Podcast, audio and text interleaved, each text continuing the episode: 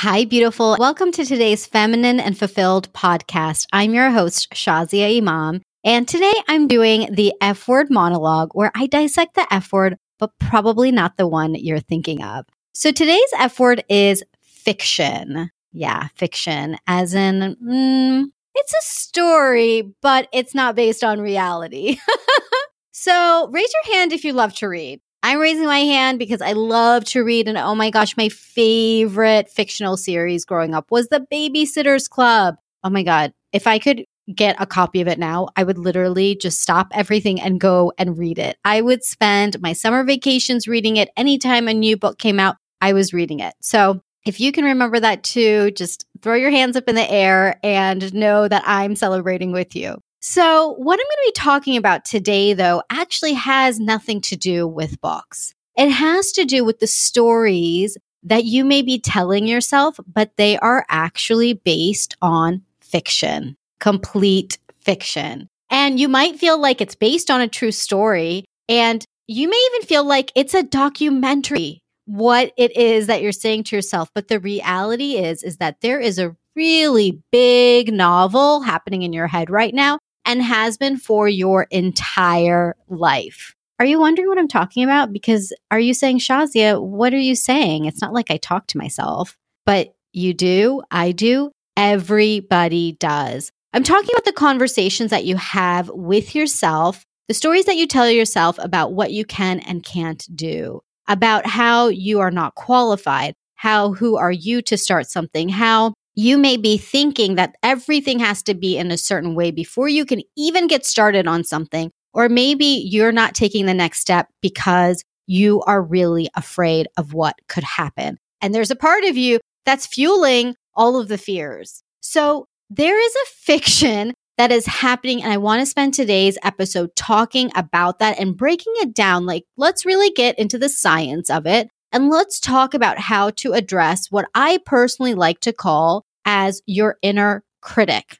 But I'm going to dive deep into the inner critic and some other terms used for it. But I want to spend today's episode really talking about the elephant in the room because it's something that we actually don't talk about. And I hear about it often because, of course, as my clients share with me, as various women are sharing with me about what is really holding them back, I get to hear their inner critic loud and clear. So I'm going to share a story with you guys about a client that I was talking to recently. Oh my God, I adore her. By the way, I adore all my clients. Oh my gosh. So I was talking to one of my clients. And as always, I keep who my clients are confidential, but I know that she's okay with me sharing stories. So here's one that I want to share, and it's not just hers. I'm thinking about a specific situation, but this happened many, many times. So I was speaking to her recently, and we have really been working on getting Frank. And if you haven't listened to my episode, it's the two episodes before this one called Frank. I talk about getting really honest with yourself. So she's been getting so honest with herself, and she has met the most powerful woman within her. And it's amazing. And it's always so much fun. Every time my client discovers this part of her that she's igniting and unleashing, it's so exciting because that part has always been in you. By the way, she's in you. And yet there's so much that you might be holding back or stuffing her away or not allowing that part of you to come out. So if you want to hear more on that, go jump to my episode called Frank. But for today, I'm talking about fiction because the same client, as she met her most powerful diva self, she told me a few days later, she's like, Shazi, I'm really struggling because there's this other part of me that keeps creeping back up and trying to say no or trying to say, like, who are you? Or how can you think that? Or getting afraid or being like, well, why don't you still try to run your business in this way? Because that's what quote unquote will work. But her powerful side, her sage self, as I, I always like to call this woman, is out there and saying yes. Okay. So there's a part of you that's saying yes. And there's another part of you that's saying no. So as she was sharing, I said, this is completely normal. We can actually be at odds with ourselves. And when you get to that place where you're observing it, that's fantastic because sometimes we're not even aware. I'll talk to women and they don't even realize that there's a part of themselves that is powerful I mean, that still has yet to be discovered. But this fictional part is pretty big. And it seems to be the main character in a lot of people's stories. So much so that it doesn't even allow other characters to come in. So let's talk about the inner critic because it is very normal to feel that almost war that goes on between the two of them once you have discovered your sage self. So the inner critic is actually based in science. So when we were created, we were first created with survival instincts. And if you are into science, you'll know, or psychology, or, eh, you know, anything around the biology, you'll know that there's a part of our brain at the base of our neck. Okay. Like right where like the brain is hitting the neck, there's this like this lower part that's called the limbic system. Now, the limbic system is a very small part of our brain, in fact, but it was the first part that was created and it was created for survival. It was created to really protect us from imminent danger. So, this is where you hear the concept fight, flight, or freeze. We have it, animals have it, it's something natural. Now, the limbic system, also known as the critter brain, in another way to think about it, was created because there are going to be times where, yes, you will need to fight, flight, or freeze. Like if you're being attacked by an animal in the wilderness, you're not going to be like, okay, bear, let me like understand where you're coming from and let me just take a moment to get grounded. Like you're going to run, okay? And you better run. But that's not our everyday life. Our everyday life is not like that. And there's actually a fantastic episode I did with a guest called Brodie Welch. It was episode seven, and she talks in depth about this idea of the, the critter brain and our survival mechanism and how we literally are living in that way in every moment of our day. And it's unnatural because that instinct was created for the times that we were in a place of actually being in imminent danger. But because we have so much stress in our lives right now, and because we're constantly activating that, we are in this state of heightened fear almost like all the time. And it's exhausting. It's exhausting. So she talks more about that in episode seven of Feminine and Fulfilled if you want to check that out. But for now, what I want to tell you is that the critter brain was created for survival, so it has a purpose. But what the critter brain does is that the critter brain is not capable of thinking beyond survival. So the next part of our brain that was developed is called the cortex, and the cortex sits above. And the cortex is based in love. This is a part of our brain that likes to learn. This is the part that grows. This is the part that says, oh my gosh, I learned something new, or that's really interesting. And this is all based from a place of love. Okay. So you have one part of your brain that's based in fear, and then this other part of your brain that is developed and is constantly growing, and it's based in love.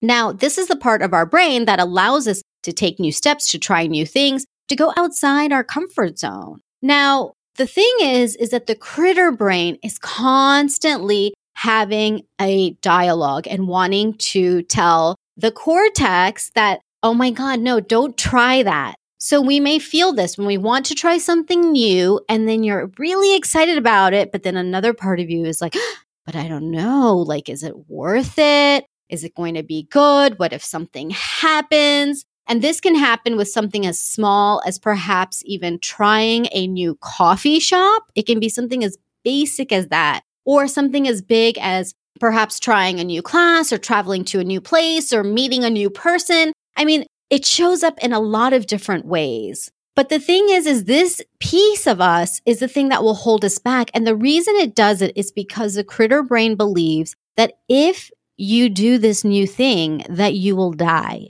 It believes that. It really believes that because again, it was created for survival. So once you have done something new and this part of your brain realizes you didn't die, it actually puts it on the okay list. So if you were to imagine that your critter brain has an okay list and a not okay list, the okay list is everything you've ever done up until this point and you're still surviving.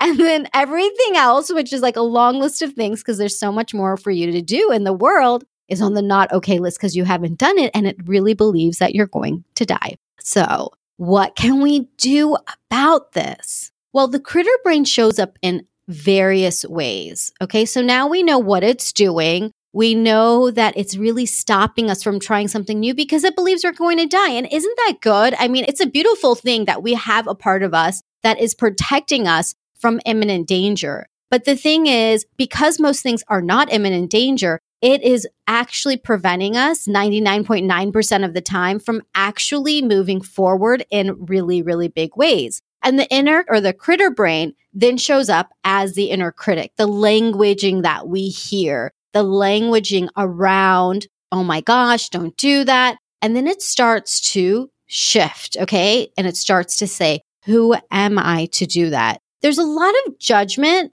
that starts happening. And this is where it really becomes the inner critic. There's a part of us that then starts looking inward at ourselves and it just, it's really judgmental and it's really mean. And every single person in the world has this. It doesn't matter if it's Oprah Winfrey or Michelle Obama or your neighbor down the street. Every single person has an inner critic. Now, the inner critic you may have heard of in other terms too. It's also referred to as the monkey mind. I have also learned it as the gremlins. I think about it, gremlins, right? Like little things like running around and like saying mean things. Like who would want gremlins around their house? Except we have them in ourselves. We can be the meanest to ourselves. So one of the final ways I've heard this referred to as are your saboteurs. And what I really liked about this reference of saboteurs, which by the way was developed by a man named Shirzad Chamine,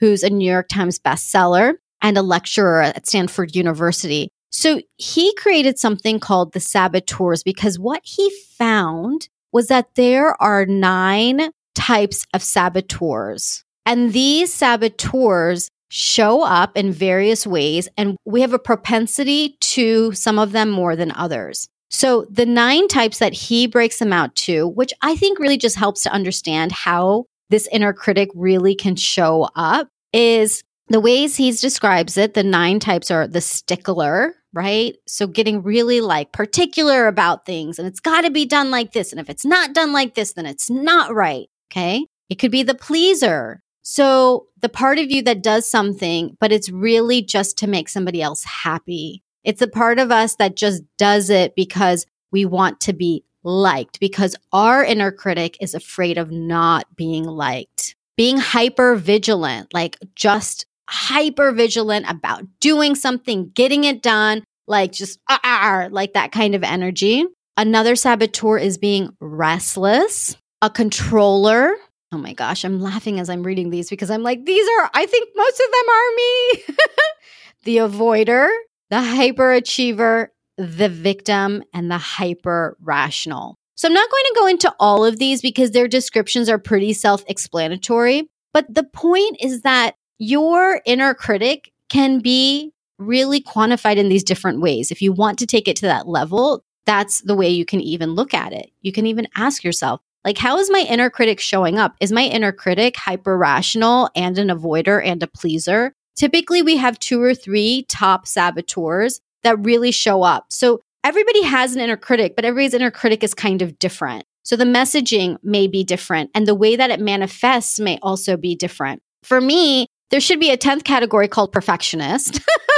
I think perfectionist falls under hypervigilant actually or hyperachiever. It's one of those two. But for me, it really, it really shows up as being a perfectionist and having to get everything just so. Like for me, it showed up in many, many, many ways. It showed up on a really big level in the way that I would show up as a human being. I always felt like I had to be perfect. Like my outfit had to be perfect. What I said had to be perfect. What I was doing had to be perfect. And there was this need to control. So I, the controller is also high in me where I felt the need to control the narrative around myself and my life and how others perceive me, even though I don't have control over that but it gave me some semblance of control if everything was perfect. And for me, if everything was perfect, then great, I can move forward. Now, can I just look at my perfectionism and think that it's something really bad and oh my gosh, I shouldn't be a perfectionist? No, there's a beauty in being a perfectionist as well because I also have high integrity in the way that I do things and want things done. And it makes sure that I'm really going all the way in terms of excellence. But I get to really understand the nuances between the two because to be honest, my perfectionist tendencies really stopped me and continue to, if I'm being honest, to, to move forward as quickly or as boldly as I possibly could. And so this is something I'm very aware of. And I'm going to talk to you about how you can also become aware and move past things. But my point for now is that my perfectionist overall, it's not serving me because the perfectionist part of me is telling me that unless everything is perfect, I'm not good enough. That's the real messaging underneath. Unless it's all perfect, I am not good enough. Even though I have no relation to what it is I'm creating or what I'm doing in terms of I am not my results. I'm a being. And I talk more about this particular piece of being forgiving to myself and giving myself grace and moving past having to be my results, quote unquote, in my episode number 66, Fudge, if you want to listen to that. So when I really understood that underneath the perfection, what I'm saying is I am not good enough, I can see that it's not serving me. And so that is the way that my inner critic shows up. That's the piece of me that says, well, let me wait before I take this next step because I want to make sure all the pieces are in place. Or it held me back for a long time from being very public with my business and on social media because I would be comparing myself to people who were already quote unquote successful. And sometimes I still do it. Sometimes I'm still like, oh my gosh, like look at that person and they have X amount of followers and they just seem to have it all together. And then I realized, no, actually, I am knowledgeable. I offer a lot where I'm at today. Maybe I do need to get better about marketing. Of course, I could absolutely improve on that. That's where I can be in more excellence. But I'm not going to stop what I'm saying because I am not where somebody else is already. So, do you see how perfectionism can really stop you from moving forward. And this is just one saboteur. This is just one component of your inner critic. There's so many various components. Another example, going back to the stickler, this is not me. This is not one of my top saboteurs, but I know many women who are like this. When something isn't done a certain way, like following the quote unquote rules, that's it. It's like, I'm done. I can't do it now you know, I was supposed to hang out with this person, but they didn't arrive in a certain way or say a certain thing. And so, you know what? I'm never going to hang out with them again. And then they make a decision, and then it's like, okay, but you stopped yourself from a relationship that may have been fantastic. And so, that voice inside that said it had to be this way for it to happen can be so limiting. It can be so, so, so limiting. And again, it can prevent you from really moving forward and what it is that is most important to you. And it's a fictional story. This is the piece. The reason I named this episode fiction is because it's a fictional story. There's actually no rule book out there of the way things have to be done. There's actually no certification that's going to give you the permission slip to go and take the next step. There's actually nobody's validation that's going to say and give you the momentum to move forward as much as, trust me, not just you, me too, is looking for it. It's that you get to know that the story that you have been a part of up until now is based on fiction. So, what can you do with this? Okay, you might be thinking, Shazia, okay, I literally thought I was in a documentary. I'm pretty sure I'm right about everything I'm saying. Or a part of you is like, okay, it was, I definitely felt it was inspired by a true story film. and yes, sometimes it does feel inspired by a true story, but it's still fiction. Okay. It's still fiction. It's not serving you. Your inner critic is not serving you. But your first reaction might be to say, well, I want to get rid of my inner critic. I want to just be done with it. And how do I do that? And I wish I could say, oh my God, beautiful. Here's how you do it. And here's what I did. But your inner critic never goes away. Again, there is literally a biological part of our brain that was created to protect us. And your inner critic, in its own way, in its own very limited way, is trying to protect you. just the same way as I talked earlier about the critter brain not wanting you to try something new because it thinks you're going to die. So it's super sweet. And it's like, okay, like that's the first thing. Look at your inner critic almost as like, aw, you're so cute. That's really nice of you. But you know what? You're dumb. you don't know the truth. So we don't have to kick it out. We don't have to get mad at it. We don't have to be like, I hate you, inner critic. You've stopped me from everything. And, you know, I'll be honest, for a long time, I think I was trying to get rid of my inner critic. I was trying to get rid of the pieces of myself that I began to think were problematic, but they were only problematic if I allowed them to be. So again, the perfectionism, it hasn't really gone away. And that's something I've come to more recently is that it's not as though I suddenly said, I'm not a perfectionist. I still am, but I meet it where it's at and I'm honest about it. I'm honest about the fact that I'm a perfectionist. And I also know that to be honest, compared to like chronic perfectionists out there, I know I'm not like that. And so that's what I always used to say. I used to be like, but I, am not like that person. And I, then I would think about that person who's like a really hyper perfectionist. And I used to be like, well, at least I'm not like her. So I'm not a perfectionist, but I am. And what I have learned is that I just get to be honest. So things always come back to honesty. Have you guys noticed that? I'm talking a lot about honesty. So that's a good thing. The first thing is to get honest with yourself. What are your saboteurs? What is the way that your inner critic manifests? What are the things that are stopping you from really moving forward? Because you do know them. You do, even if it feels like I don't know like where it is I'm going or what my purpose is or how to use my full potential. That's okay. You can still be very observant of your inner critic today because you've spent a lot of time with your inner critic, a whole lifetime, not a whole lifetime. Kids don't really have it. It starts building later, but it's been there for a long time. So the first thing is, is to just be honest. And instead of saying, I don't want to be like that and placing judgment on your inner critic and saying, I don't want to be like that,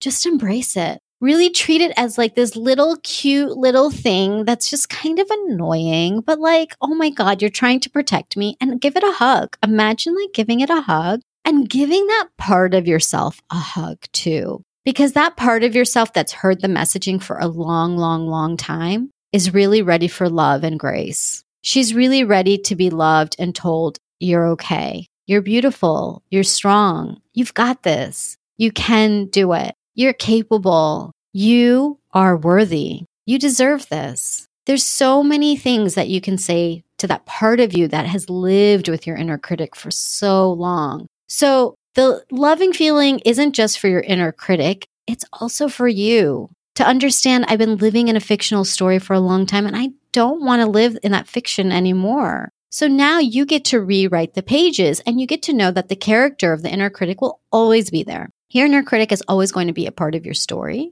but it doesn't have to be the main character and it doesn't have to keep driving a story that is untrue. You get to live your reality, and that's with you. So when you have the opportunity to say, okay, I'm going to be honest with myself. I am like XYZ, or I do say these things to myself. And okay, what can I do now so when I got honest with myself that I am a perfectionist, rather than saying I'm a recovering perfectionist or I'm not a perfectionist anymore, I've really, really, really worked hard on it. And then I was told by a master facilitator and coach that I'm a perfectionist. And I literally almost died because I'm like, I've been working so hard on this.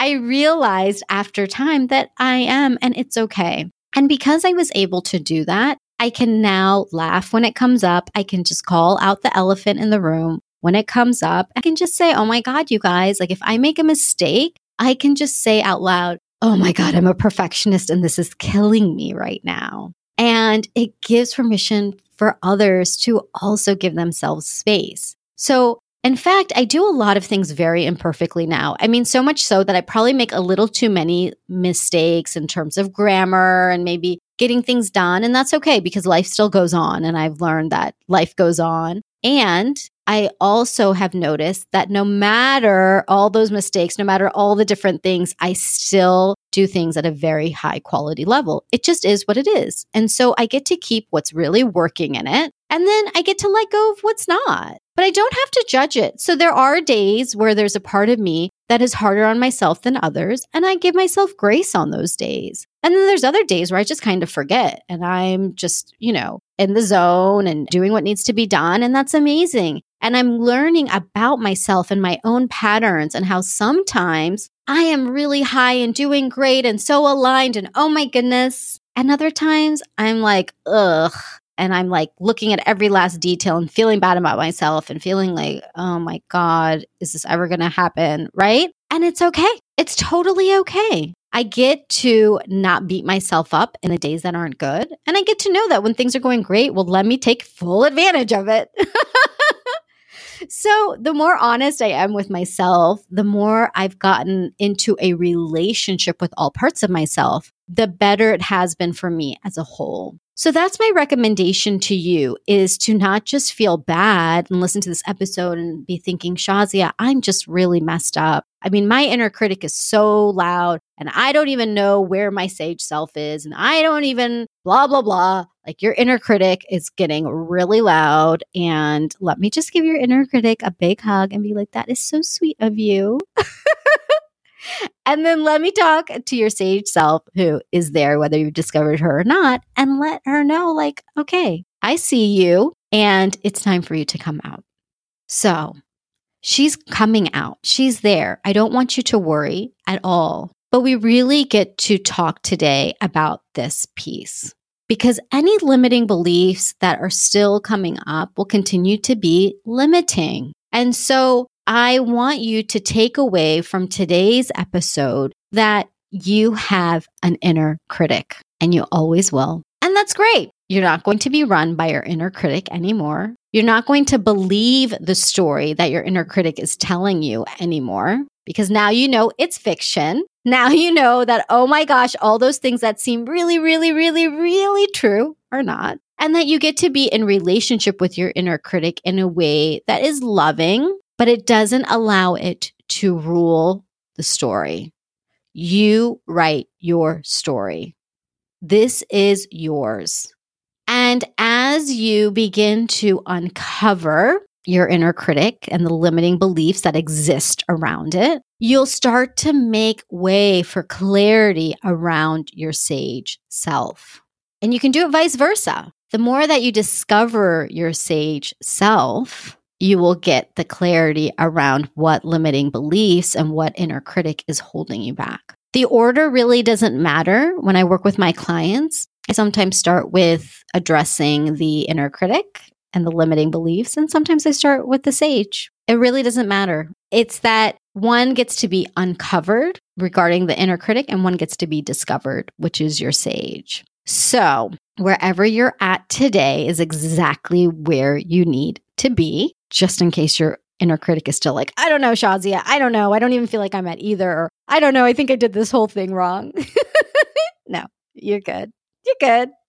Trust me, you're good. And what is going to happen is that you get to stay with me because I'm going to be doing a third episode to the series of Frank and then fiction. And then the third one is going to be fact. And I'm going to be sharing what is a fact in your life. What are the facts? Because you get to really know the truth about you and about your possibility and about your life. So if you haven't already, go back and listen to episode 72, Frank. This is episode 74, fiction. And then when episode 76 is available. That is going to be episode fact. You will listen to that as well. And these three episodes are really going to support you in getting that clarity that you've been looking for about yourself. And as an exercise until the next episode, I want you to sit down and actually write up what are the pieces of your inner critic? What are the things that your inner critic is saying? What is it that your inner critic is stopping you from or having you continue to do that you're just not interested anymore. And how does your inner critic manifest? Is it through being hypervigilant, being a stickler, being a controller, being an avoider, being a people pleaser? Just write it down. And it doesn't have to be perfect. You know, even if you're like, but I don't know exactly what they mean, you kind of do and put your own words to it too. You know, the words don't matter as much as it is building this relationship and uncovering what is there. So, what has your inner critic stopped you from doing up until now? And where is it that you are ready to move on? And I recommend that you write this down. And then if you want, send me a picture of it. Or if you want to type it out, you can as well. But the best place to contact me at is thelifeengineer.com slash contact. And I would love to take a look at that and hold the space for you. And if you're ready to really deep dive into this whole thing about being honest with yourself, about uncovering your inner critic and those limiting beliefs, then I invite you to reach out for a complimentary session where you can apply at thelifeengineer.com slash coach. And I would love to spend some time talking to you and deep diving. That's if you're really ready to go deep. And we can do a lot of work in that session. So you have a few things in front of you. The main thing is to take the step Remember, progress over perfection. There's no perfect way to do it for my perfectionist out there. I know you're already like, how do I do it? What's the draft? What's the template? And if you want a template, I'm happy to send that to you as well. You can, again, reach me at thelifeengineer.com slash contact. And I'm happy to send you something if you really want that. So my recommendation is to jot down what your inner critic says, what it looks like, how it manifests, and just notice. There's nothing else you need to do with it because, as I said earlier, you get to give your inner critic grace. You get to meet your inner critic where it's at. You know, the deep work goes deeper in, you know, in a coaching relationship, but even right now, to observe it, to be aware of it, and to know that you're not alone is huge. And trust me, there is no other woman out there who seems to have it all together who actually does. Everybody still has an inner critic. So I have one, you have one, everybody has one. And that's great. And now we get to be in a new relationship and we get to write our own story. So here's to your beautiful story. And until next time, Lilas, love you like a sister.